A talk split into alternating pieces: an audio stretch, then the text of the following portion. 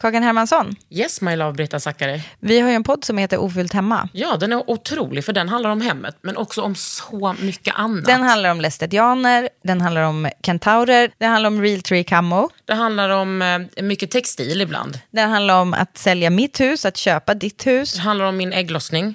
Alltid. Ja. Min också. Tack. Den heter Ofullt hemma och den finns där poddar finns. Hörs i podden, hej då! Cool fact a crocodile can't stick out its tongue. Also, you can get health insurance for a month or just under a year in some states. United Healthcare short term insurance plans, underwritten by Golden Rule Insurance Company, offer flexible, budget friendly coverage for you. Learn more at uh1.com. Det här är en podd från L. Idag är Elaine Eksvärd här. Hon är retoriker men tro inte att vi pratar om det. Utan vi pratar om helt andra saker. Vi pratar om metoo. Vi pratar om hur det är att vara överlevare från att ha blivit sexuellt utnyttjad som barn. Och att faktiskt leva med det resten av sitt liv. Jag vill varna för att det är faktiskt jobbigt innehåll. Men det är också väldigt trevligt när hon är på besök. Så lyssna gärna. Puss! Under huden. Med Kakan Hermansson.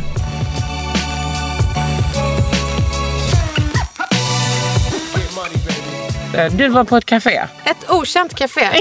ja, och det var vi är ingen som vet vad det låg på Söder. Nej, vadå? Det kan vara vad som helst. Nej. Du var i Örebro. Ja, och sprang hit jättefort. Och eh, då stod det Me too is too much, eller hur? Fan. Och vad gör jag? Jag blir så arg så att jag eh, först går jag på toaletten och sen så tittar jag på det här länge. Sen så går jag ut och så ligger granit bredvid. Och så lånar jag en penna från dem och så går jag in och klottrar. Säg att den var vattenfast. Ja, men det måste den vara. För det, det, om den inte är det så är den digitalt fast. Jo, men det, jag tror att det var därifrån de hade den. Så jag svarade eh, det här. Eh, svar. Det är too much att åtta av tio kvinnor och ett av fem barn i Sverige blir sexuellt utnyttjade. Ditt jävla as. Mvh överlever av sexuella övergrepp. Slash metoo. Fy fan, alltså så jävla bra. Och jag har ett bolag som heter Snacka snyggt. Det här kanske inte var så snyggt snackat. Men, jag tycker att man får bli varför arg är inte ibland. det där snyggt snackat tycker du? Nej, men många misstar retoriker för att vara präster. Men det är vi inte. Utan ibland så svär vi. För fan. Men snälla rara, du är väl mer än en retoriker? Jag är väl mer en, en keramiker? ja. Man kan ju inte bara vara sitt yrke. Alltså, Nej, nej, men det, precis. Vet vi också tänker så här.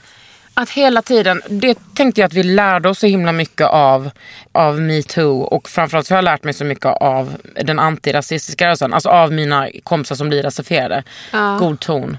ja, Varför ska man hålla det?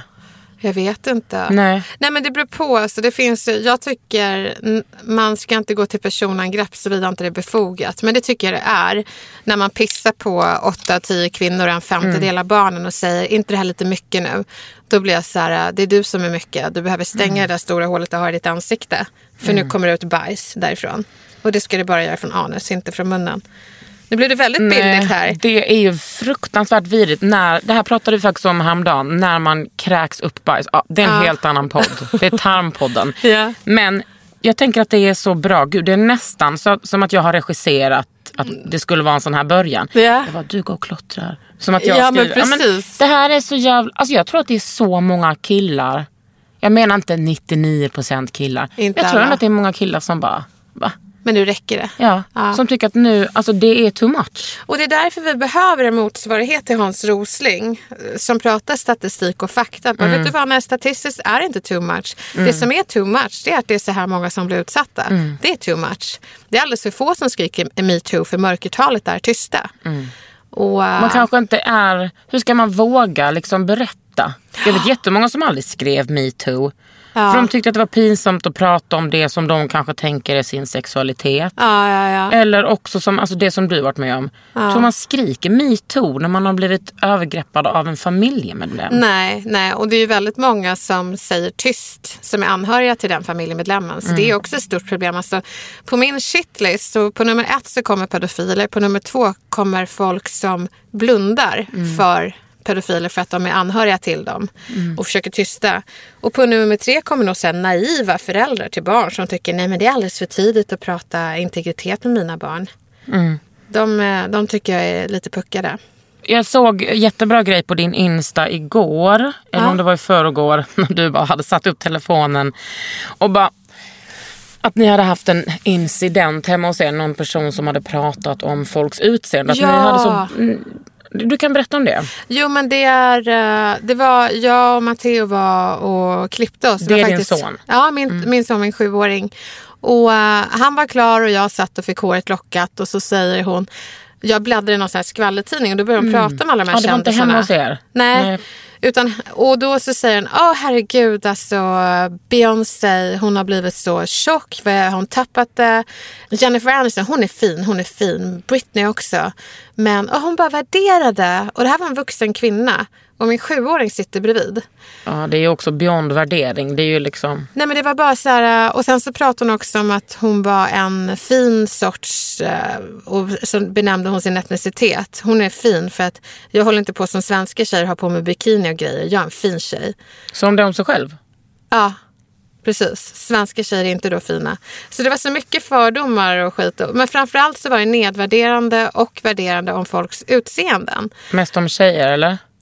Ja, Men tror du att hon gjorde det för att hon ville bonda med dig? förmodligen. För, för så kan det ju vara ibland och det har man inte hållit på med sen kanske högstadiet. Men vissa är Nej. kvar där absolut. Nej, och det var ju verkligen...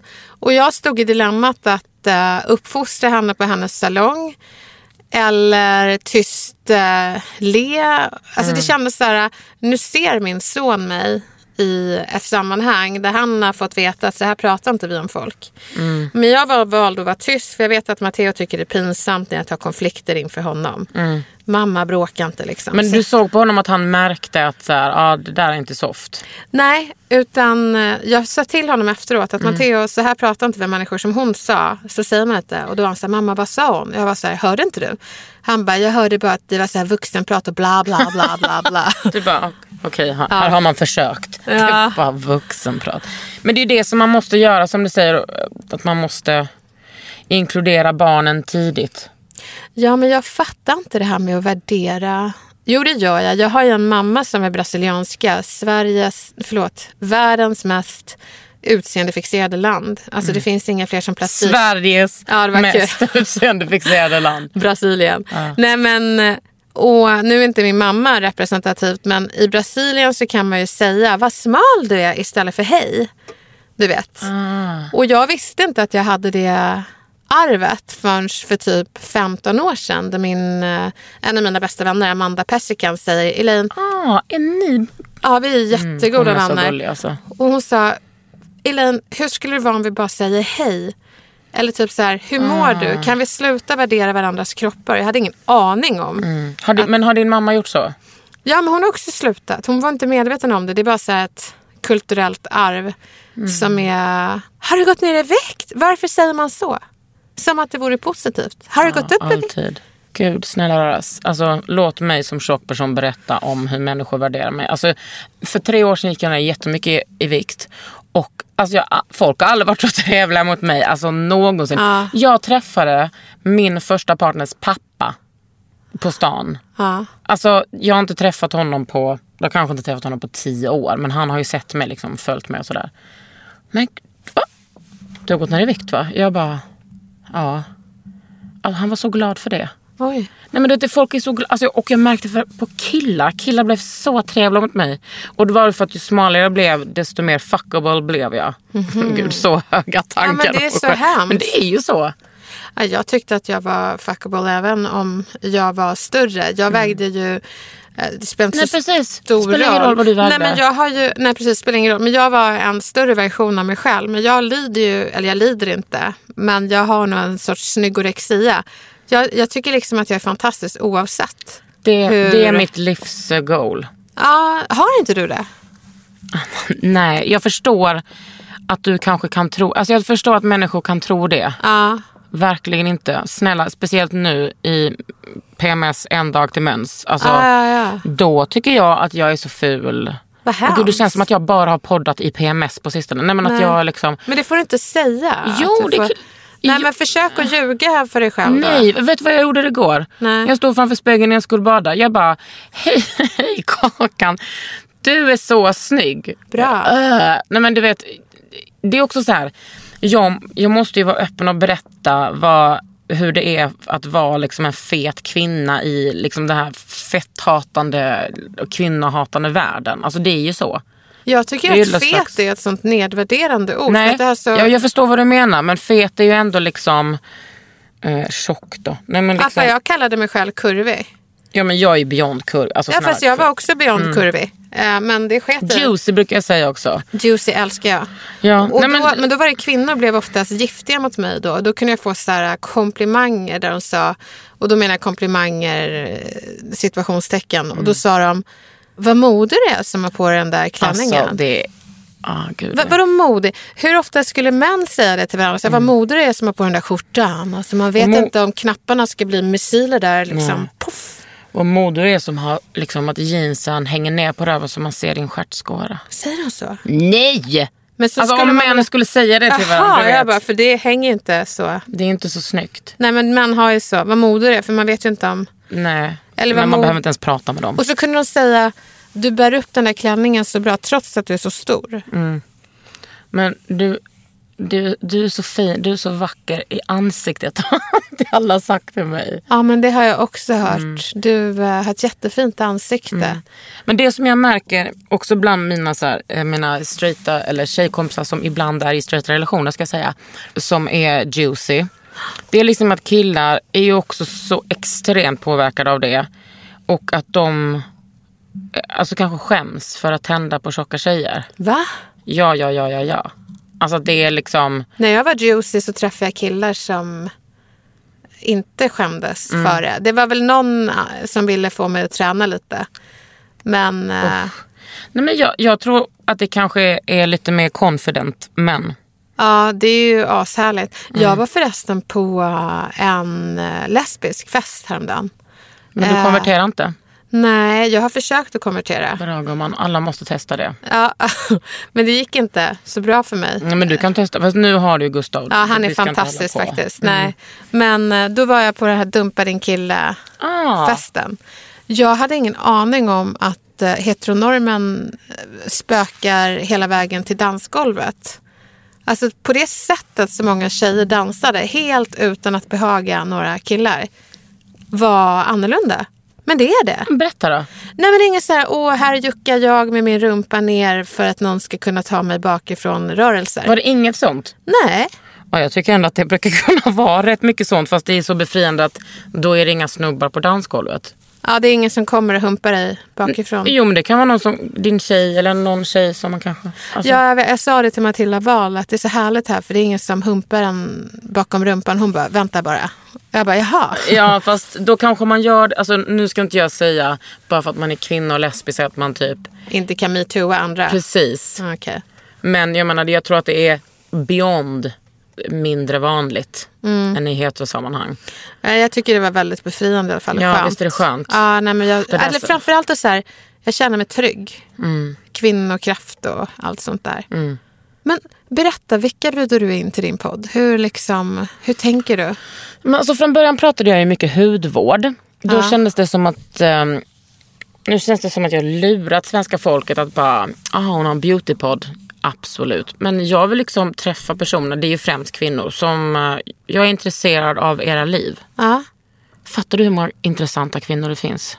Ja, hur många som helst. Jag har typ gjort 160-70 avsnitt. Alltså du vet, Skämtar du med mig? nej. Wow. Ja, Hur orkar du? men det här är mitt jobb. Och då, Ja. hur orkar du? Du har Ja. tre barn. Jo, jo. Men det är, ja precis. Mm. Men 100, det, jag tänker det är jävligt coolt att vara innovativ då med podden. Så många gånger Ja, avsnitt. alltså det är typ min... Eh, jag tänker typ i, i poddbanor. Jag tänker så här, åh den där vinkeln kan jag ta upp där. Sen är inte det här så mycket en aktualitetspodd, typ som raseriet. De pratar ju om så här, vad som har hänt i veckan. Mm. Men det här är ju mer, alltså lite aktuellt och lite inte. Hur, jag är så nyfiken på dig. Jag har ju beundrat dig på håll så här, länge. Och äh, ja, men bland annat stått upp för dig i sammanhang Ja, och sådär. vilken, alltså, vilken jävla broder. Ja men tack. Ja, Men alltså du var, ja, vi pratade om när det, när det blåste om kak, Macan, Audi, hela den här grejen. Men då skrev Elaine en debattartikel. Ja, det var, eh, det var starkt. Ja, men jag tycker det var så jäkla konstigt hur man tvingar någon att be om ursäkt. Alltså kungen kan vända blad. Mm. Men Kakan Hermansson måste då be om ursäkt Mm. eh, varje år. Eller varje gång hon ingår i ett samarbete. Ja, det är så himla mycket dubbelmoral. Nu är, jag, ja, precis. Men jag, nu är jag väldigt glad att jag har bett om ursäkt på, på Ja men det har du gjort, absolut. Precis. Och jag, jag berättigar Mm. inte det du sa men att någonstans måste man få gå vidare och vända blad. Inte om man är tjej. Men det, alltså jag tänker så himla ofta på Alltså typ bara att jag blir så utmattad och bara, ja men det är så det är. Killar kan göra så mycket sjuka saker. Men, de, men jag tänker också så här. Att människor som avskyr mig älskar att använda den grejen. Mina gamla uttalanden som, som anledning att de säger det. Och sen så handlar det väl om massa andra saker. Att de tycker att jag är en större feminist bara.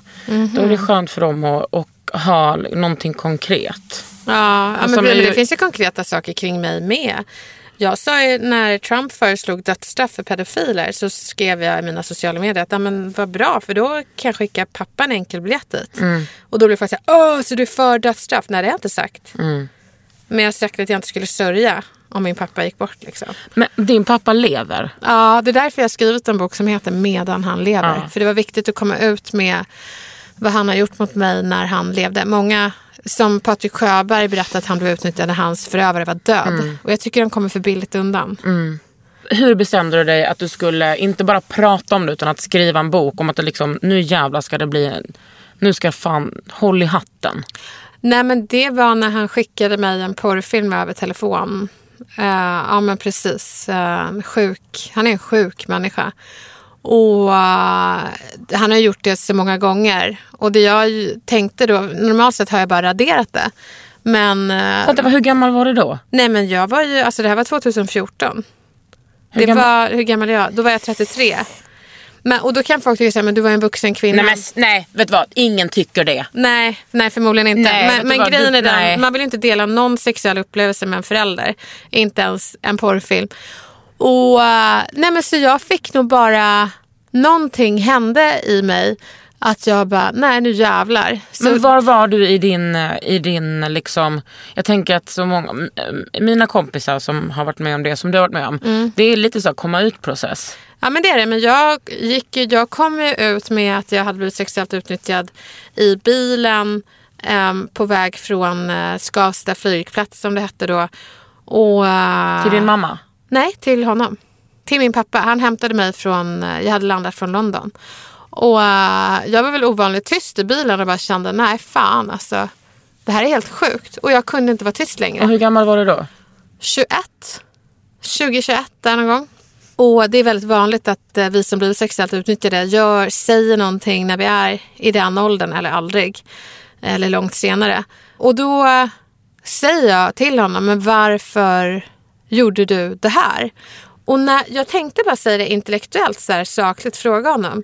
Men när orden lämnar mig så blir jag så jävla förbannad. Så jag är så här, men gud vad är det som händer? Hela jag skakar. Och istället för att ställa frågor, och det här skriver jag om i Medan han lever, så eh, skriker jag allting. Jag bara, du gjorde det här, jag fick inte mitt rum utan du hyrde ut det till ugandiska kvinnor, bla bla bla.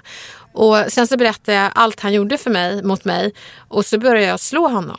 Nej, och ni kör, han kör Ja, han, bilen? kör på, han kör 120 på motorvägen. Och jag, så här, jag sket i, jag var så här, vi kan gärna krocka bara han blir mosad. Så vore det underbart. Sen stannar han bilen och sen så säger han, trycker han upp mig mot dörr, dörren och säger att om du berättar det här för någon så kommer jag döda dig. Tro, tänkte du att han var kapabel till det? Nej, jag tror inte jag tänkte så mycket på det utan jag blev bara så jävla ledsen. Att jag insåg att han kommer inte säga förlåt. Nej. Utan han är en psykopat. Jag hade inte den intellektuella slutsatsen då men han bryr sig bara om sig själv. Så jag satt ju med där som en liten dotter och insåg att min pappa sviker mig nu också. Så jag klev ju bara ur bilen och grät. På motorvägen? Ja, alltså när han hade stannat då. Och sen så uh, stannade första bil och så körde vi till polisstationen. Och då gjorde jag min första polisanmälan mot honom av tre. Men det fanns ju inga bevis. Visste din mamma om detta då? Hon fick reda på det den kvällen. Så, ja. F- Får jag fråga? ja, och vet du frågor? vad? Om det är någonting som jag inte vill svara på så säger jag bara det. Men det är helt lugnt att fråga. N- När du var 21, när Mm. slutade övergreppen? Eh, han utnyttjade mig mellan att jag var två, alltså minnesmogen och tio år. Ja. Vad är det för jävla sär? Alltså hur, hur kan han få leva? Jag vet inte. Det är, nej men det är så sjukt. Nej men det var, han satte igång när mamma skilde sig från honom. Hon insåg att det är någonting som inte stämmer med honom. Så att, eh, och det var ju det som var så sjukt på polisstationen. Att de bara, ah, men finns det några fysiska bevis? Och det var så här, jag var 21, jag var inte oskuld. Det är klart det inte fanns några bevis. Men eh, då, för att hoppa fram till 2014, så hade jag ju beviset i min telefon. Det står ju avsändare, det står, det är en porrfilm. Så jag ringde upp min dåvarande förläggare Anders Sjöqvist och berättade och vi hade känt varandra i tio år. Jag bara, Anders, nu ska inte vi skriva retorikböcker, vi ska skriva en eh, självbiografi. Och då började han garva lite och bara, ser inte du lite ung för det? Jag bara, jo det kan jag vara, men eh, det handlar om min pappa. Jag blev sexuellt utnyttjad av honom och han blev så helt chockad. Och så sa jag, den ska heta Medan han lever, för jag vill att han ska få bära skammen medan han lever. Och sen så gick jag upp till polisstationen när jag hade lagt på och uh, satt med en polis i förhör och visade filmen och Är det olagligt att skicka en sån film? ja, det är sexuellt ofredande. Ja. Och, Hade han skrivit någonting? nej, Han nej, det var bara innehållet. Det blev rättegång och han dömdes. Ja, han- men han är inte dömd för något annat? Nej, och domen var 5 000 kronor. Så mycket kostar det att skicka sin dotter en porrfilm i Sverige. Han, är- jo, han är dömd för annat. Han är dömd för misshandel av kvinnor och diverse.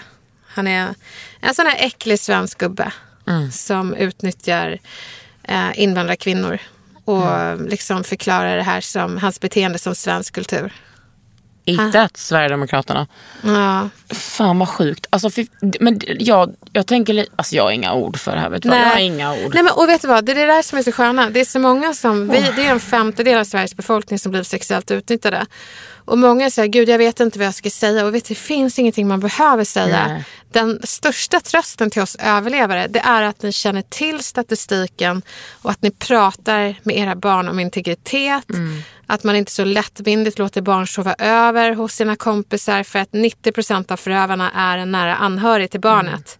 Min pappa förgrep sig på en tjej i min klass också. För att hennes föräldrar kollade inte upp vi- vilka mina föräldrar var. Men hur ska man då veta? Alltså, jag tänker så här. De flesta pedofilerna är ju inte någon som man bara, det där är en psykopat. Nej, precis.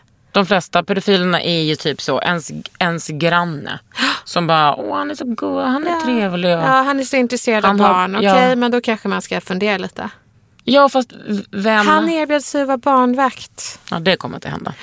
Om man säger så det kunde man aldrig tro. Men de groomar ju föräldrarna. Man bara kollar på Michael Jackson och de, alltså de där killarna, typ exempel för överlevare. Den kärleken de hade till Michael och lojaliteten. Har du sett dokumentären? Ja det är helt... eh, Ja, alltså den, precis, men den beroendesituationen de, satt, de var i och deras familjer.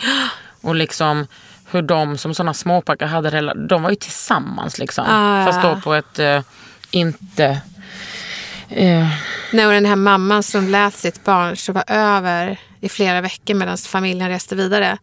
Det är så jävla intressant hur deras relation idag fortfarande är trasig och hon har svårt att förlåta sig själv. Och det förstår jag. precis, men det är ju din, då, shit, din nummer två på shitlistan. Ja, men de som blundar. Eller så här, det kunde jag inte tro. Eller, eller nej, mer... Nej, det, det är tre, de som, som liksom är naiva. Nummer två är de som vet men tycker det är pinsamt för familjen. Som eh, min pappas släkt, faster, farbröder, de kan ju dra åt helvete. För de visste hela tiden. Och de ville inte att jag skulle säga någonting för det blir pinsamt för familjen. Har det, de liksom samtalen faktiskt skett? Ja, gud ja. De har jag bett att dra åt helvete.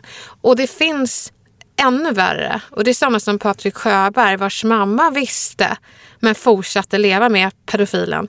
Det finns alltså kvinnor som väljer att leva vidare med en man de vet förgriper sig på deras barn. Alltså jag vet inte vad som är värst. Nej, jag vet inte vad som... Och vad beror det på? Ekonomiskt beroende, känslomässigt störda, eh, Ja, liksom traumatiserade. medberoende. Jag har ingen aning, men de kvinnorna kan ju också dra åt helvete. Alltså det är Sen så finns det de fantastiska som är medvetna. Och de är såklart fler, hoppas jag. Jag har ju också sånt i min släkt. Mm. Där liksom Alla har det, kan jag berätta. kvinnan var orolig och gick till SOS och de bara nej det är ingen fara. Och liksom men ändå var Alltså var liksom orolig men för, alltså, tänkte väl aldrig det liksom. Alltså det är så farligt med... Ja, SOS är en fantastisk tanke. Men jag föreläste för eh, många socialarbetare och frågade, var 500 i publiken, hur många av er vet hur många som blir sexuellt utnyttjade? Och de visste inte, kände inte till statistiken. Nej. Och kallade många eh, sådana här fall för vårdnadstvist. Ja det är som när man kallar det för familjebråk när liksom män misshandlar kvinnor. Men det, ja, det är helt sjukt. Det känns lite som att du har fått ta den här bördan själv i så svensk media.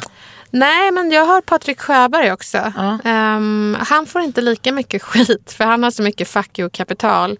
Medan jag förväntas vara lite mer välkammad och retoriker och du ska inte förespråka dödsstraff, vilket jag inte gör. Nej. Det är bara att jag skulle inte gråta om en pedofil inte var kvar på denna jord. Nej. Jag försöker hålla mig borta från debatter som handlar om pedofiler. Alltså det är lika, lika ineffektivt som att Trump ska diskutera mexikanare. Det kommer inte bli bra. Nej. Utan man behöver experter som Nina Rung och alltså folk som kan hålla sig sakligt till det. Och det kan inte jag. Och framförallt tänker jag att det primära för dig kanske inte alltså är kanske inte att ta den diskussionen utan också att du ska må bra. Ja, och då, därför har jag startat, jag har en ideell förening som heter Tre ska bli noll tillsammans med Patrik. Och Det vi gör då det är att vi försöker, pedofiler är ju där barn är. Och därför ska Tre ska bli noll också vara där med förebyggande åtgärder. Sen vi startade så har vi lyckats få igenom integritet i läroplanen för förskolan. Hur ser det ut då? Nej, att alla barn har rätt att veta sina, sina kroppsliga gränser. Och att Stopp min respek- kropp och sådär? Ja, och det är nu obligatoriskt sedan 2019. Nu är det bara grundskolan Wow. som ska hänga med också.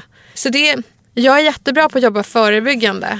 Jag hade ingen, alltså vi berättar för barn att du ska inte slåss. Det är självklart. Men vi berättar inte att man ska respektera privata delar. De vet inte vad sexuella övergrepp är. Nej. Och tror att ja, men om det är skönt, då är det väl inte fel. Man bara, jo. Så att eh, det, jag hoppas på en helt ny kunskapsnivå för barn där. Men jag tänker också att det är viktigt med barn att man, att man liksom börjar uppfostra dem. Inte bara att man ska slå men hur man tar på andra barn också. Alltså att man liksom inte, så att man tar ansvar om man har söner till exempel.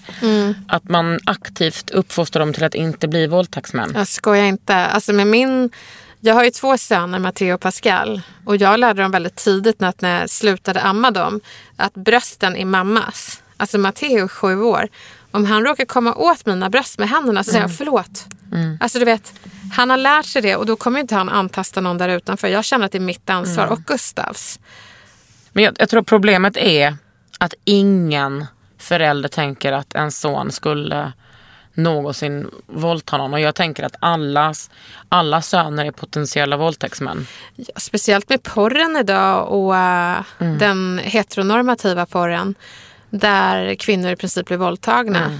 Och det spelas in och dokumenteras. Och, Precis. och digitaliseringen som skolan. Jag fick veta igår att äh, alla på skolan har tillgång till Safari. Alltså eh, via sina iPads. Och då behöver barnen bara trycka X tre gånger så hamnar de på barnförbjudna. Och det är ett brott att exponera barn för porr. Ja. Uh, Ja, fy fan, sen ska de liksom börja ha sex, inom citationstecken. ja, Och eh, så är de så porrskadade innan de ens har haft sex. Men gud, hur många porrska... Vi heterosexuella kvinnor som har varit i relationer med män. Vi har alla träffat porrskadade och ställt upp på saker. Och vadå, vi är väl också porrskadade som tror att man ska skrika och låta på ett visst sätt trots att vi inte kommer. Fake it till you make it. Eller inte. Under huden med Kakan Hermansson. Hey, I'm Ryan Reynolds. Recently, I asked Mint Mobile's legal team if big wireless companies are allowed to raise prices due to inflation. They said yes. And then when I asked if raising prices technically violates those onerous two year contracts, they said, What the f are you talking about, you insane Hollywood ass? F- So to recap, we're cutting the price of Mint Unlimited from $30 a month to just $15 a month. Give it a try at mintmobile.com slash switch. $45 upfront for three months plus taxes and fees. Promo for new customers for limited time. Unlimited more than 40 gigabytes per month. Slows. Full terms at mintmobile.com. Hiring for your small business? If you're not looking for professionals on LinkedIn, you're looking in the wrong place. That's like looking for your car keys in a fish tank.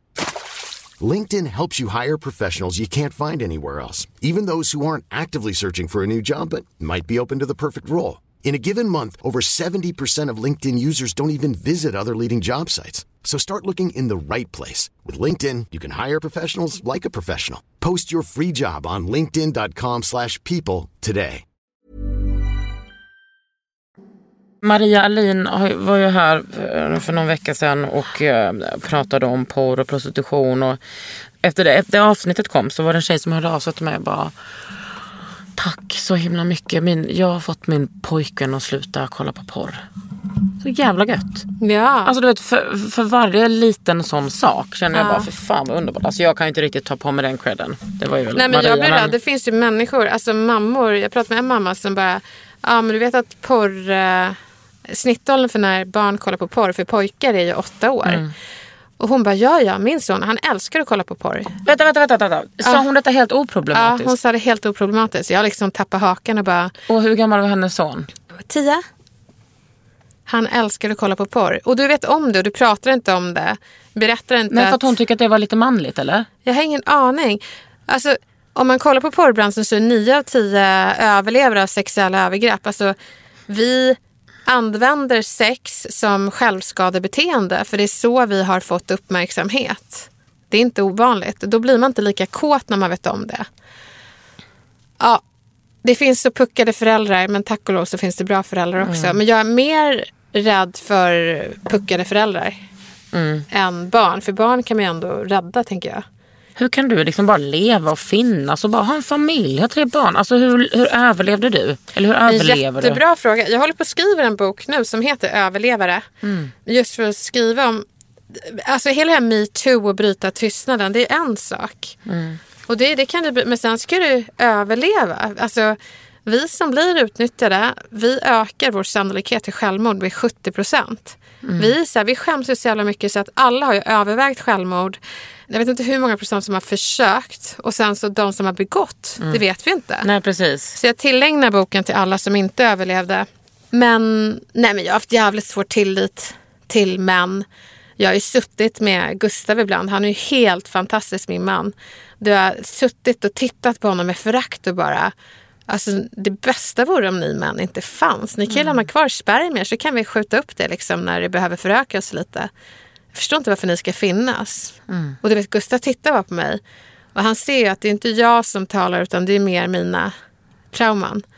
Och han sa, du vet att du låter som en rasist mot män nu? Och jag bara, ja, men det kanske stämmer det jag säger. Sådär. Och han var så här, du vet att du har två söner också? Jag bara, jo men de är annorlunda. Så Men låter jag, jag tänker att det är så himla viktigt för er att få säga sådana saker. Ja, nej, men jag har haft extremt svårt med tillit till män och jag har väl till viss del har jag förstått nu av min psykolog och av att eh, det är inte helt ovanligt att man har eh, släng eller är helt borderline när man har eh, blivit sexuellt utnyttjad. Det vill säga att man har jävligt svårt med gråskalor. Jag tycker sådana här mingel är skitsvåra när man ska le stelt och vara i ett mellanläge. Jag är så här, antingen är vi jättetajta eller så kan du dra åt helvete. Där trivs vi som har... Ja, det är en sån trust issue grej eller? Jag skojar inte. Och det är nästan så att jag och Patrik pratar om det, att be folk att dra åt helvete och bråka. Det ger en sorts här, tyngdlöshet i hjärtat, att man känner sig fri. Och eh, Det blir ett rus som är jättemärkligt. Så man är inte konflikträdd, utan vi vet ju hur man bråkar. Men problemet är att man, för då, då får man ju folk på ett avstånd som känns jävligt skönt. Och det är också så här typiskt borderline, att antingen hatar jag dig eller så älskar jag dig. Men det har ju varit... Och därför är det jävligt tacksamt för mig när personer som Alex Schulman och som man kan bråka med finns. För då får man utlopp för det där. Kommer jag inte på några fler jag bråkat med. Men... Ja, men du har väl ändå haft en? Ja, men jag orkar inte längre. Det är det som är så skönt. Jag är inte arg längre. Nej. Alltså, jag, jag, det tar för mycket energi. Så äh, orkar du bråka? Nej men snälla, jag, jag bråkar. Alltså, Jag orkar bråka med liksom, alltså ibland har jag, när, när jag är liksom pissed på dåligt humör, alltså då kan jag, jag orkar bråka med folk face to face. Alltså jag orkar skälla ut folk på stan. Jag orkar liksom, jag var riktigt nära på att säga till en man på ett café i morse.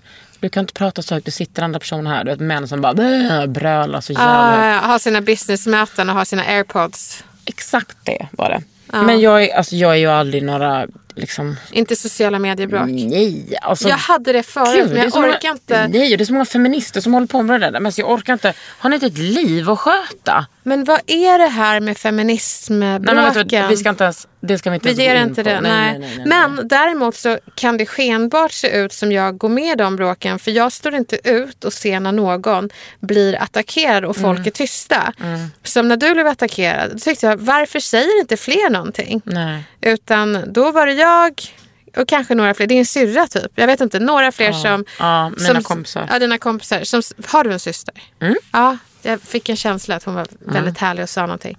Men eh, etablissemanget blir väldigt tysta och konflikträdda för man måste tänka på sitt varumärke. Mm. Men jag tänker att medmänsklighet måste ändå stå över det. Så jag har lite Tourettes i att stå upp för folk som blir attackerade. Mm. Men det är också för att du själv är och har varit ett offer. Precis. Och det är, det, det är också en, en, en vanlig grej att man vill stå upp för de som kanske tillfälligt inte har sin röst eller inte har det alls. Mm. Så eh, jag är också så här, eh, har blivit vegan för att jag ser något samband mellan djur som inte kan säga nej. Exakt så är det ju. Ja. Men, Är du vegan nu? Ja. Bra. Är hela din familj det då? Nej. Jag, jag kan för lite om näringslära för Mm. att, och jag kan inte laga mat. Vad gör du då? Åh, jag vet inte. Alltså det är väldigt oinspirerande. Jag, går, jag har anmält mig till så veganska matlagningskurser. Men då är det någon som kommer med så här, det här är en buff, nej buff det kanske är biff. Fan vet jag, med massa så franska, eh, och du behöver bara ha den här på temperatur 67 grader. Jag bara, men det här går inte. Vadå 60? Alltså vadå det är bara... Lär mig. Jag har tusen kompisar som är veganer. Är det sant? Jag behöver träffa alla tusen för att det ska kunna vara lika lätt att vara vegan som att koka makaroner. Makaroner är veganskt. Men, Jo, det är de ju. men jag menar du kan ju inte bara äta pasta med tomatsås som eh, folk gjorde förr i tiden de var veganer. Nu finns det ju så sjukt mycket substitut, så köttsubstitut. Och det finns ju, alltså på var och varannat ställe så finns det ju vegansk kost. Ja, Men det måste ju finnas massa så här veganmatkonton du kan följa. Ja, men jag, jag följer jävligt gott. Ja. Eh, jag tycker han är så här, eh, inspirerande och inte... Men precis som vi som, nu blir sidospår, men vi som är sexuellt utnyttjade. Det finns vi som är arga på pedofiler och det finns vi som vill vara inspirerande. Vänta, vänta, är det ett Facebook-konto? Nej. Nej, du menar bara att ni kallar det det? Nej, jag menar som fenomen av människor. Ja. Så finns det de som spyr galla på pedofiler eller de som pratar inspirerande för hur vi ska förebygga så att barn blir skyddade och inte sexuellt utnyttjade. Och jag vill gärna vara på den sidan. Eh, samma sak bland feminister. Det finns de som bråkar med varandra. Så finns det de som kan säga så här blir vi mer jämställda. Och eh, Jag tror att man ska försöka vara inspirerande. Och samma sak med veganer. Militanta veganer som blir arga på köttätare och kastar, målar färg på pälsar. Ja, jag tycker att alla behövs. Det, men det tror jag också. Precis som Martin Luther King och Malcolm X.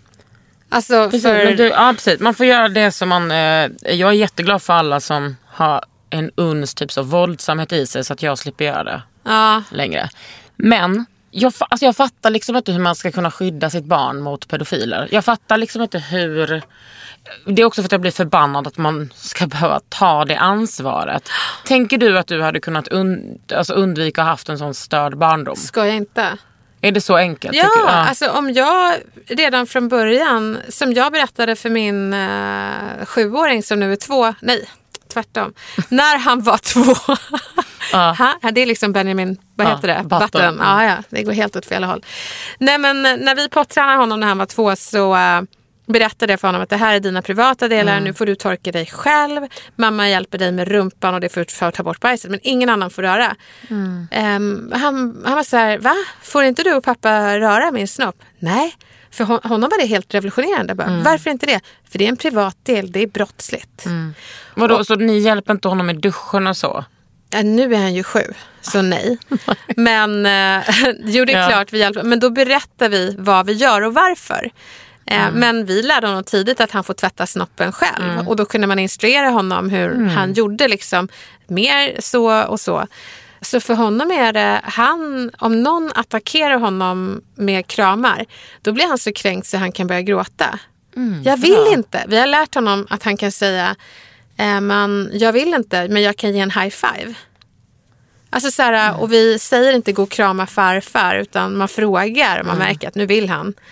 Alltså du får komma ihåg Kakan att det är bara en promille av den manliga befolkningen som förgriper sig på barn. De förgriper sig på många barn. Men eh, så man behöver inte säga oj, alla män är absolut inte. Men ditt barn måste få vokabulären och förståelse för att det är fel för att kunna säga det. Och det fanns inte på 80-talet när jag växte. Nej, hur gammal är du? 81. Jag med. Ja. Då var det liksom bara, förskolan var förvaring och vi fick inte lära oss privata delar. Det fanns ju för fan typ så här knulltält, eh, kuddrummet och så vidare. Alltså, ja. Men vad har du och din mamma för relation? Jättebra relation. Alltså hon gjorde allt hon kunde. Jag ljög ju för henne för att skydda min pappa för han manipulerade mig att inte berätta. Tänk att det är en väldigt viktig aspekt. Ja, ja, ja. Det är ju inte bara så att eh, män våldtar sina barn och så är allt annat som vanligt. Liksom. Nej, nej, nej. Nej, och det, det är det som är skillnaden mellan mig och Patrik. Jag, brukar, jag ringde upp honom häromdagen och bara, Patrik och jag, vi som syskon kan vi betona så att ni inte säger så här till vem som helst. Men jag bara, Patrik, jag läste på dig om borderline. Du vet att vi har det va? Och han började garva så här, ja, helt klart. Så här. Och jag sa det, men du har det nog värre än mig för du hade ju inte en mamma som skyddade dig. Så han har ju noll grundtillit till folk. Jag har i alla fall någon uns av Men du hade liksom din mamma... hon, eh, det var ju jättesorgligt. Nu när jag själv är mamma så hon var ju tvungen att skicka honom, skicka mig till honom varannan helg. Och varannan helg när jag kom hem så undersökte hon alltid mig för att se om liksom... Hon misstänkte ju att han förgrep sig på mig. Men jag blånekade ju för pappa sa att eh, om du berättar det här så kommer jag hamna i fängelse. Och då trodde jag att det var mitt skvaller som skulle få honom att hamna i fängelse. Jag var ett barn liksom. Men eh, jag berättade för henne när jag var 21. Var det som att hon bara, ah, ja, det här har jag trott hela tiden? Nej, hon blev så besviken och ledsen och förtvivlad. Och jag har frågat dig så många gånger varför berättade du inte för mig? Och då kände väl jag att hon anklagade mig så då blev väl jag bara arg. Eh, men min mamma är världens bästa mamma och min mammas familj är fantastiska. Alltså, De reagerar som en familj ska. Mina morbröder säger att han är välkommen till Brasilien, att de ska ordna hans begravning. Det tycker jag så här, det är en sund Ja, det tycker jag med. det och, eh, nej men de är liksom så här, de är så arga. Medan hans anhöriga är ju mer så här, åh det blir så pinsamt för familjen. Måste du prata om det här? Det är ändå din pappa. Har han eh, förgripit sig på sina systrar? Liksom, är, han, är det så det ligger till? Är det så fackat? Han har ju tack och lov bara bröder. Men jag har ingen aning om vad som har pågått i den där familjen. Men det är en myt som många tror. Att de som blir förgripna på också förgriper andra. Och det går ju inte för att åtta av tio kvinnor har blivit sexuellt utnyttjade. Men ändå utgör inte vi pedofiler utan det är till 99, komma någonting procent som är män. Så det studier visar mer är att de här förövarna är känslostörda och ehm, har inte utvecklat frontalloben så till den grad att de kan bry sig om andra. Och det stämmer helt och hållet i min pappas situation. Hans föräldrar vill inte ha honom eller hans bröder. De var liksom bara ett kuttersmycke i familjen. Så han berättade för min mamma att han aldrig fick krama när han var ledsen. Att han var, nej men han har blivit känslostörd. Så om du skulle se honom i ögonen så skulle du se att det bor ingen där bakom. Det är liksom, det är tomt, som att titta in i en psykopats ögon. Det är, liksom, det är något som inte stämmer. Jag, jag såg en pedofil bli tagen på bar gärning av någon sån här pedophile hunter. Och då frågade den här som hade tagit honom på bar gärning att du skulle träffa ett barn här, hur känns det nu att bli tagen? Då säger pedofilen, well I came here for nothing so that's boring. Man bara, vad sa du nu? Han såg bara sitt eget perspektiv. Det är väl klart. Jag tänker att det, alltså ytterligheten i mäns könsroll och liksom det sexuella i mäns könsroll är ju liksom att deras egna sexualitet, orgasm och makt står ovan allting. I alla fall om de kollar på porrfilmer. Att liksom klimax är när man får spermier i ansiktet. Hur jävla kul är det? Aldrig fått. Nej, Men jag kan inte liksom tänka mig att det skulle vara trevligt. Nej men liksom inte skitkul. Alltså jag fattar inte hela den här grejen med att spruta tjejer. Alltså att det, är så här, att det må- det måste handla om förnedring. Och att man ska så älska att bli förnedrad. Ja, och det där stönet som kommer när, när de skulle komma henne i ansiktet. Åh, det är så trevligt för jag kladdet i min öga. Får man inte ont i ögonen då? Jo. Eh, lyckligt, Det har Lyckligt- aldrig skett i mitt äktenskap Nej. kan jag bara berätta. lyckligt ovetandes. Om, Nej, eh, jag, jag trodde att det skulle komma ett stön. Men jag var så här, what the fuck? Vad ont det gör. ja. Det var liksom inte riktigt. Ah, nej va? usch nu, nu, ser- nu ser jag bilder framför mig. Ja men det var ju hemskt. Det, men det finns ju massa fler såna här grejer som jag varit med om. Det här borde alla heterosexuella kvinnor prata om. Hur fucked up det är när man träffar en snubbe som spottar dig mellan benen. Jag bara, vilken porrfilm har du kollat på din jävla idiot? Och han bara, vadå? Tycker Alltså, inte det vänta, här... alltså menar du att han spottade rakt in i fittan? Ja. Alltså inte på handen? Utan... Nej, nej, nej. Alltså det är så här, hej, här gör jag en loska och den landar. Och du vet, jag såg bara, jag bara, what the fuck? What are you doing? Så han bara, why don't you? Jag bara, vänta nu här. Om du behöver spotta för att göra en kvinna våt, då har du misslyckats. Vi, alltså, vi behöver prata om såna här jävla skitsaker som porrfilmskadade män. För om inte vi vuxna kvinnor pratar om det så kommer ju de här tonårstjejerna köpa det. Skolsköterskorna... Gud, alltså jag, tror inte ens att de, jag tror inte ens att de här tonårstjejerna har...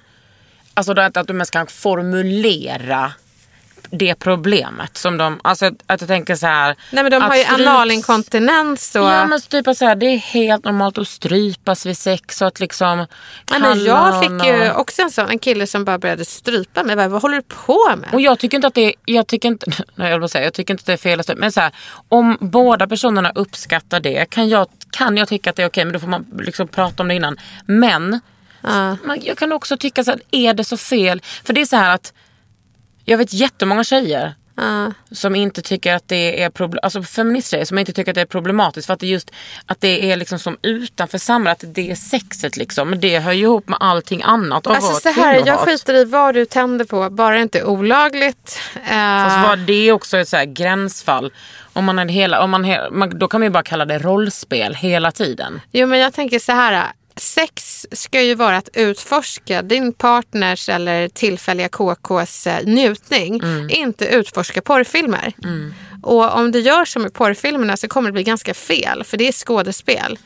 Eh, det är liksom, om du spottar en tjej mellan benen, stryper henne och sen kommer henne i ansiktet. Alltså det är ingen bra kombo. Det är fel. Vi behöver Men jag får huvudvärk nu. Bli mer övertygad i. Den heterosexuella världen är inte så jävla härlig, inte så juicy. Fråga är varför många heterosexuella kvinnor kollar på lesbisk porr istället. Men alltså lesbisk porr, det jag har sett, det är ju så, det är så heterosexuellt. Är det? Ja, det är som att jag bara, men varför har ni gjort det här? Alltså det här är ju bara som att någon kille bara, so. Alltså det är liksom, Nej. det är så långt ifrån det sexet jag har haft. Alltså, Aha. Det är Jag vet ingenting. om- Men finns det inga porrskadade, porrskadat lesbiskt? Alltså, har du träffat porrskadade kvinnor?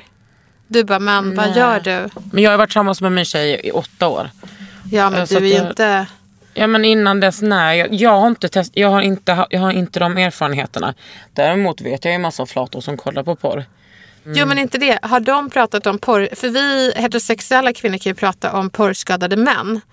Men kan Nej, all, all, nej inte som fenomen. Men det är inte så här, åh hon är porrskadad kvinna. Nej, Hon aldrig börjar- på. Men jag menar inte att, att det inte finns, för det, eh, det måste finnas. Undrar hur det tar sig uttryck. För om männen då sprutar, stryper och spottar. Eh, vad gör kvinnorna? Jag blir så nyfiken. Ja, de kanske spottar och stryper och hårda tag och inte lyssnar. Vad fan vet jag. Jag tänker också så att det är så himla sorgligt att killar tror att, det är, att man bara antar att man tänder på någonting. Men jag tror inte att de... Ja, det kanske de gör. Men det är också synd när vi tjejer spelar med. Och bara Ja, här, också man bara, Åh, jag kom fast vadå, verkligen." tjejer är också porrskadade. Det här är väl trevligt. Ja men precis. Och så inser man. Jag, jag läste någon studie som gjorde mig så jävla deppig. Att eh, homosexuella kvinnor kommer, jag vet inte hur många gånger i månaden. Jag vet, jag tycker så. Ah, Nej, men det, Ja, det är alltså, så när man, orättvist. Och 32 om det var. Medan vi, eh, vi andra kommer typ en gång i Men vadå, månaden. jag, har, alltså, vet du vad jag ska säga helt ärligt? Det här är kanske... Jag har haft sex en gång där jag inte har kommit. Va? Ja, Nej men alltså, jag vill bara börja jag gråta. minns den gången. Ja. När du inte kom? Ja. Alltså, det är jag- så jävla orättvist. Det finns ingen heterosexuell kvinna som kan säga det du sa nu. Nej jag vet men det är för, alltså. Men det kommer jag ihåg att vi, så här, min kompis sa till mig, vi när vi liksom, ja, men man kanske hade haft någon, så här, eller jag hade inte det men mina kompisar hade haft sin första sexuella erfarenhet. Det var spännande och jag har en kompis som har en stora syster som hade berättat att för oss, eller för henne, att alltså, tjejer kommer typ en av tio gånger. Vi bara okej. Alltså vi tyckte väl att det var lite konstigt men bara, ja men det är ju så det är. Alltså det är också så här, sexet tar ju slut när man kommer tänker jag. Ja men då ser man ju till att den andra kommer tänker jag. Ja precis, och när båda har kommit så, eh, så tar det slut. Aha. Ja, precis. Eller så ja, ja, men nu, nu, nu ska jag inte gå in på detaljer men det är fantastiskt med min man. Nu är det inte så men innan dess. Har han köpt den här reklamplatsen? Ja, det, som har han. Det är sponsrad av Ligg med Gustav AB. Skojar. det ska ni inte göra för då dödar jag er. Ja, eh, bra. Men eh, det, innan dess var det liksom Nej, men så där många gånger, jag fattar inte. För det första så är jag småbarnsmamma så det är svårt att ens komma upp i 32 gånger. Jag förstår inte hur det ska gå till i månaden. Vadå 32 gånger på Nej men en... det kanske inte var 32 gånger i en månad. Men jävligt Vem många har gånger. så mycket sex? Ja, kanske. Ja, men, kanske. alltså, om man har småbarn, vem orkar ha så mycket sex? Nej, men då kanske det är att de kommer flera gånger under samlag. Mm. Nej men det är jävligt orättvist. Va, va, eller vad trevligt ska jag säga. Jag ska inte vara avundsjuk Nej, det här. är Utan det är inte kul att det orättvist. bara har skett Alltså en så gång. tycker jag att det är för alla mina. Så du är så här, åh jag kom inte den gången så blir du chockad. Och jag är så här, wow. nej jag kommer ihåg den gången jag, för jag fejkade det. Ja. Det var för jättelänge sedan. För att jag bara, åh, jag orkar inte hålla på och ligga längre. Men du, så tänker vi väldigt ofta när vi ligger under männen. Åh nu orkar jag inte, jag låtsas komma. Men för det är också så sjukt. För man märker ju på en person om den är tyst eller låter att man faktiskt kommer. Ja. Det är liksom en, man skakar och man, det är inte som att man, för, men så är det ju på porren att folk, tjejer bara ah! Man bara, det där var ingen orgasm. Nej, men det är ju det killarna har sett så då går de på det skådespelet. Oj, oj, oj, oj. Gud det här blev liksom en sexpodd. Men Ja. jag tycker ändå det är viktigt. Alltså, jag, porrskadade. ja, Jag tycker vi ska porrädda genom att ta bort den. Och, alltså så här, utforska inte porr, men utforska... jag tror att det kommer bli så. Alltså också, jag tänker så här. Nu att ASAP Rocky precis kom ut och berättade att han var porrberoende. Att Kanye, Va? för, ja, Kanye West för hundrade gången kom ut och berättade att han var porr, porrberoende. Och han- Kanye var ju ändå så här. Jag tror att han producerade typ så Pornhubs någon award-grej förra året och nu har han liksom... kommit ut som porrberoende. Ja. Men Alltså jag det- tycker det är sjukt. Han plockade upp en tidning som hans pappa hade. Kan vi prata om de här papporna som håller, har porr tillgänglig för sina barn? Och då tänker jag, hur många barn lånar sina pappors mobiler Mm. och kommer in på... Bara så att man vet att det är brottsligt att exponera barn för porr. Ja, men, och det, är liksom, det, det är brottsligt att exponera men det är också så här. Fan vad det är sorgligt att folk inte kan ha så jävla bra fantasi bara när man onanerar. att man behöver kolla på andra. Ja, alltså hur, fan, alltså hur fantastiskt är det inte att ha sexuella fantasier? Jo. De kan man ju ta vad som helst. Mm. Du behöver inte gå in och klicka på teen. Jag visste inte ens vad det var. Nej, men det var Maria Alin var ju här och berättade det att det var liksom det vanligaste sök. Åh, jag hatar människor! Vad fan är det här? Sluta faktiskt, alltså så jävla viktig är inte er orgasmkillar. Nej, nej. Tjejer, mest killar. Ja. Alltså det är liksom inte, Men teen, det är ju väldigt synd att man... Tonåringar alltså. ja. Och då tänker jag så här, någonstans måste man förstå att det är barn i för stora kroppar. De är inte färdiga. Alltså det är ju så många som vittnar om vad porrbranschen är. Ja. Ja men det är dokumenterad prostitution och eh, hur trasiga de Alltså hur många är det som växer upp och bara, nej men jag tror jag ska bli porrstjärna när jag blir stor. Jag har en kompis som eh, dejtar en person som är i porrbranschen. Jag bara, men oj då, hur ser kollektivavtalet ut där? Men, eh, ja, och oj och jag då. bara, hur gör du när han går till jobbet då?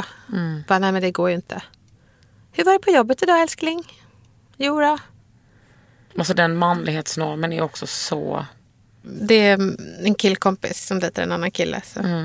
Jag vet inte vad det är för manlighetsnorm. Men det, Nej men alltså, jag menar den finns ju verkligen i, i bögvärlden också. är det så? Ja men liksom så att vara då att man är så här, en är aktiv och en är inte aktiv. Alltså du vet verkligen. Alltså, Ja så- just det, top or bottom. Det visste inte jag om. Herregud Elaine. Nej, men jag, jo, men jag lärde mig det för 15 år sedan. Ja. Men jag blev chockad över, jag visste inte vad det var. Så jag bara, du jag har en du kan få träffa. Uh, top eller bottom? Jag bara, va? jag fattade ingenting. Det var verkligen Men också man bara, kan man få vara typ mångfacetterad i Men sin... får man inte det? Jo, jag vet inte. Jag håller inte på med bögsex. Ja, men jag hörde en, nej, men en av mina gaykompisar sa mostly top. Mm. Men can sometimes. Jag vet inte varför jag pratar svengelska nu. Men för att jag blir nervös. Ja, ja. precis. Det här är inte vårt ansvarsområde Nej, nej, nej. jag, Någon annan Elaine. får. Jag kan inte representera. Du, om man vill ha hjälp med saker som har med det här alltså med sexuella övergrepp, Mm. var ska man vända sig då? Alltså, är du barn som kanske lyssnar på poddar ska du höra av dig till polisen. Och Om man inte vågar höra av sig till polisen. BRIS. Um, någon trygg vuxen du litar på. Socialtjänsten. Tills du hittar någon som är bra och kan hjälpa dig. Sen eh, är du förälder får du gärna gå in på treskabli0.nu. För där finns det, har vi gjort åldersanpassade filmer i hur man pratar integritet med allt ifrån spädbarn, vilket låter konstigt, men då är ju du barnets integritet, till eh, tonåringar. Att man lär om ord som porrskadad eller vad du inte behöver ställa upp på vad sexuella övergrepp är. Så eh, där kan du verkligen gå in. Och där finns det också olika brev man kan skicka till förskolan, idrottsföreningen, att de ska jobba med integritet. Så det, bra. ja, det är verkligen jättebra om man vill jobba förebyggande. När kommer din bok? Åh, nästa år! Ja. Jag håller på att skriva den nu. Jag tycker det är asjobbigt. Jag frågade Mm. min förläggare om den är för dekadent när jag berättar om alla mina ligg. Och hur man förhåller sig till sina och manshatet som Mm. kom. Och så träffar man Gustav som är världens bästa människa. Fan vad gött att du träffar honom. Nej men han är så bra. Det, han är så sund. Och äh, nej, han är fantastisk faktiskt. Ja. Han är så fin. Det var en gång som vår son drog på sig en klänning. Och äh, sen så såg han att pappa kom så sprang han iväg och gömde sig och satte på sig sina vanliga kläder. För på Gustav säger, vad var det för fin son jag såg här för bara någon stund sen? Och då blev det så här, då såg jag att Matteo vill inte erkänna, men han log. Han fick sin pappas bekräftelse. Du får vara precis som du är. Och, äh, Men alltså för det där är ju bara precis som det ska vara. Jag förstår att du, att du uppar det men det där är liksom... Jag vet, man borde, man borde inte ha några mindre förväntningar. Nej. Men han är, han är mycket bättre än mig. Jag kan ju typ säga saker som att jag tycker det är så coolt att eh, din familj är så färgblinda och din pappa har dejtat en tjej från Uganda. Vad coolt. Och Gustav bara, vad är det som är coolt med det? Han var kär. Jag bara, jo men eh, okej då. Eh, Men ni har olika eh, erfarenheter och bagage också. Ja, jag vill ju måla honom svart ibland så han får se hur rasismen faktiskt ser ut. Det, det är lätt att säga. Han, när han säger det kan man inte tro. Då vill jag bara säga håll käften. Ja, men det får du göra också. Ja. Alltså vita får sluta säga sånt. Ja, verkligen. Lämna. Men gud vad jag vill fråga. Hallå, kan inte du på nästa Elgala, du är ju värd hela tiden. Det är jag. Snälla kan inte jag få retorikträna de som håller tal? För talen är så jobbiga. Tacktalen. Eh, och gud, det tar så, de är så långa. Ja, men kan Eh, inte bara korta ner? Om jag kan ställa upp gratis bara jag slipper genomlida de här talen som vi väntar in. Vi måste retorikträna talen för det är som party pooper medan du är värd och så kommer de och bara jag vill bara tacka.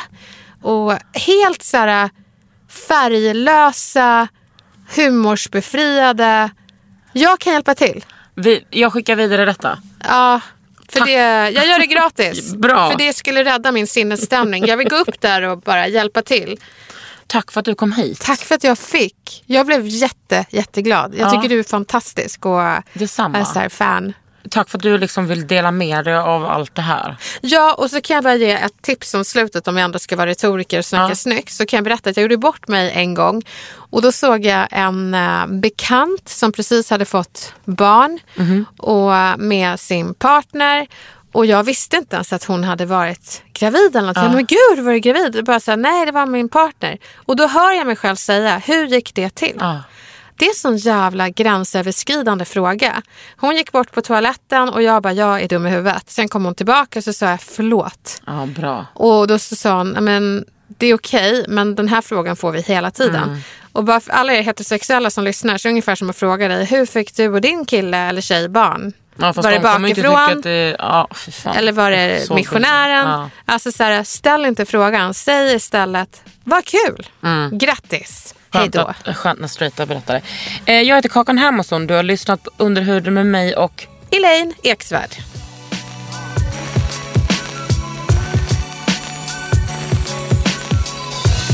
Du har lyssnat på Under huden med Kakan Hermansson. En podd från L.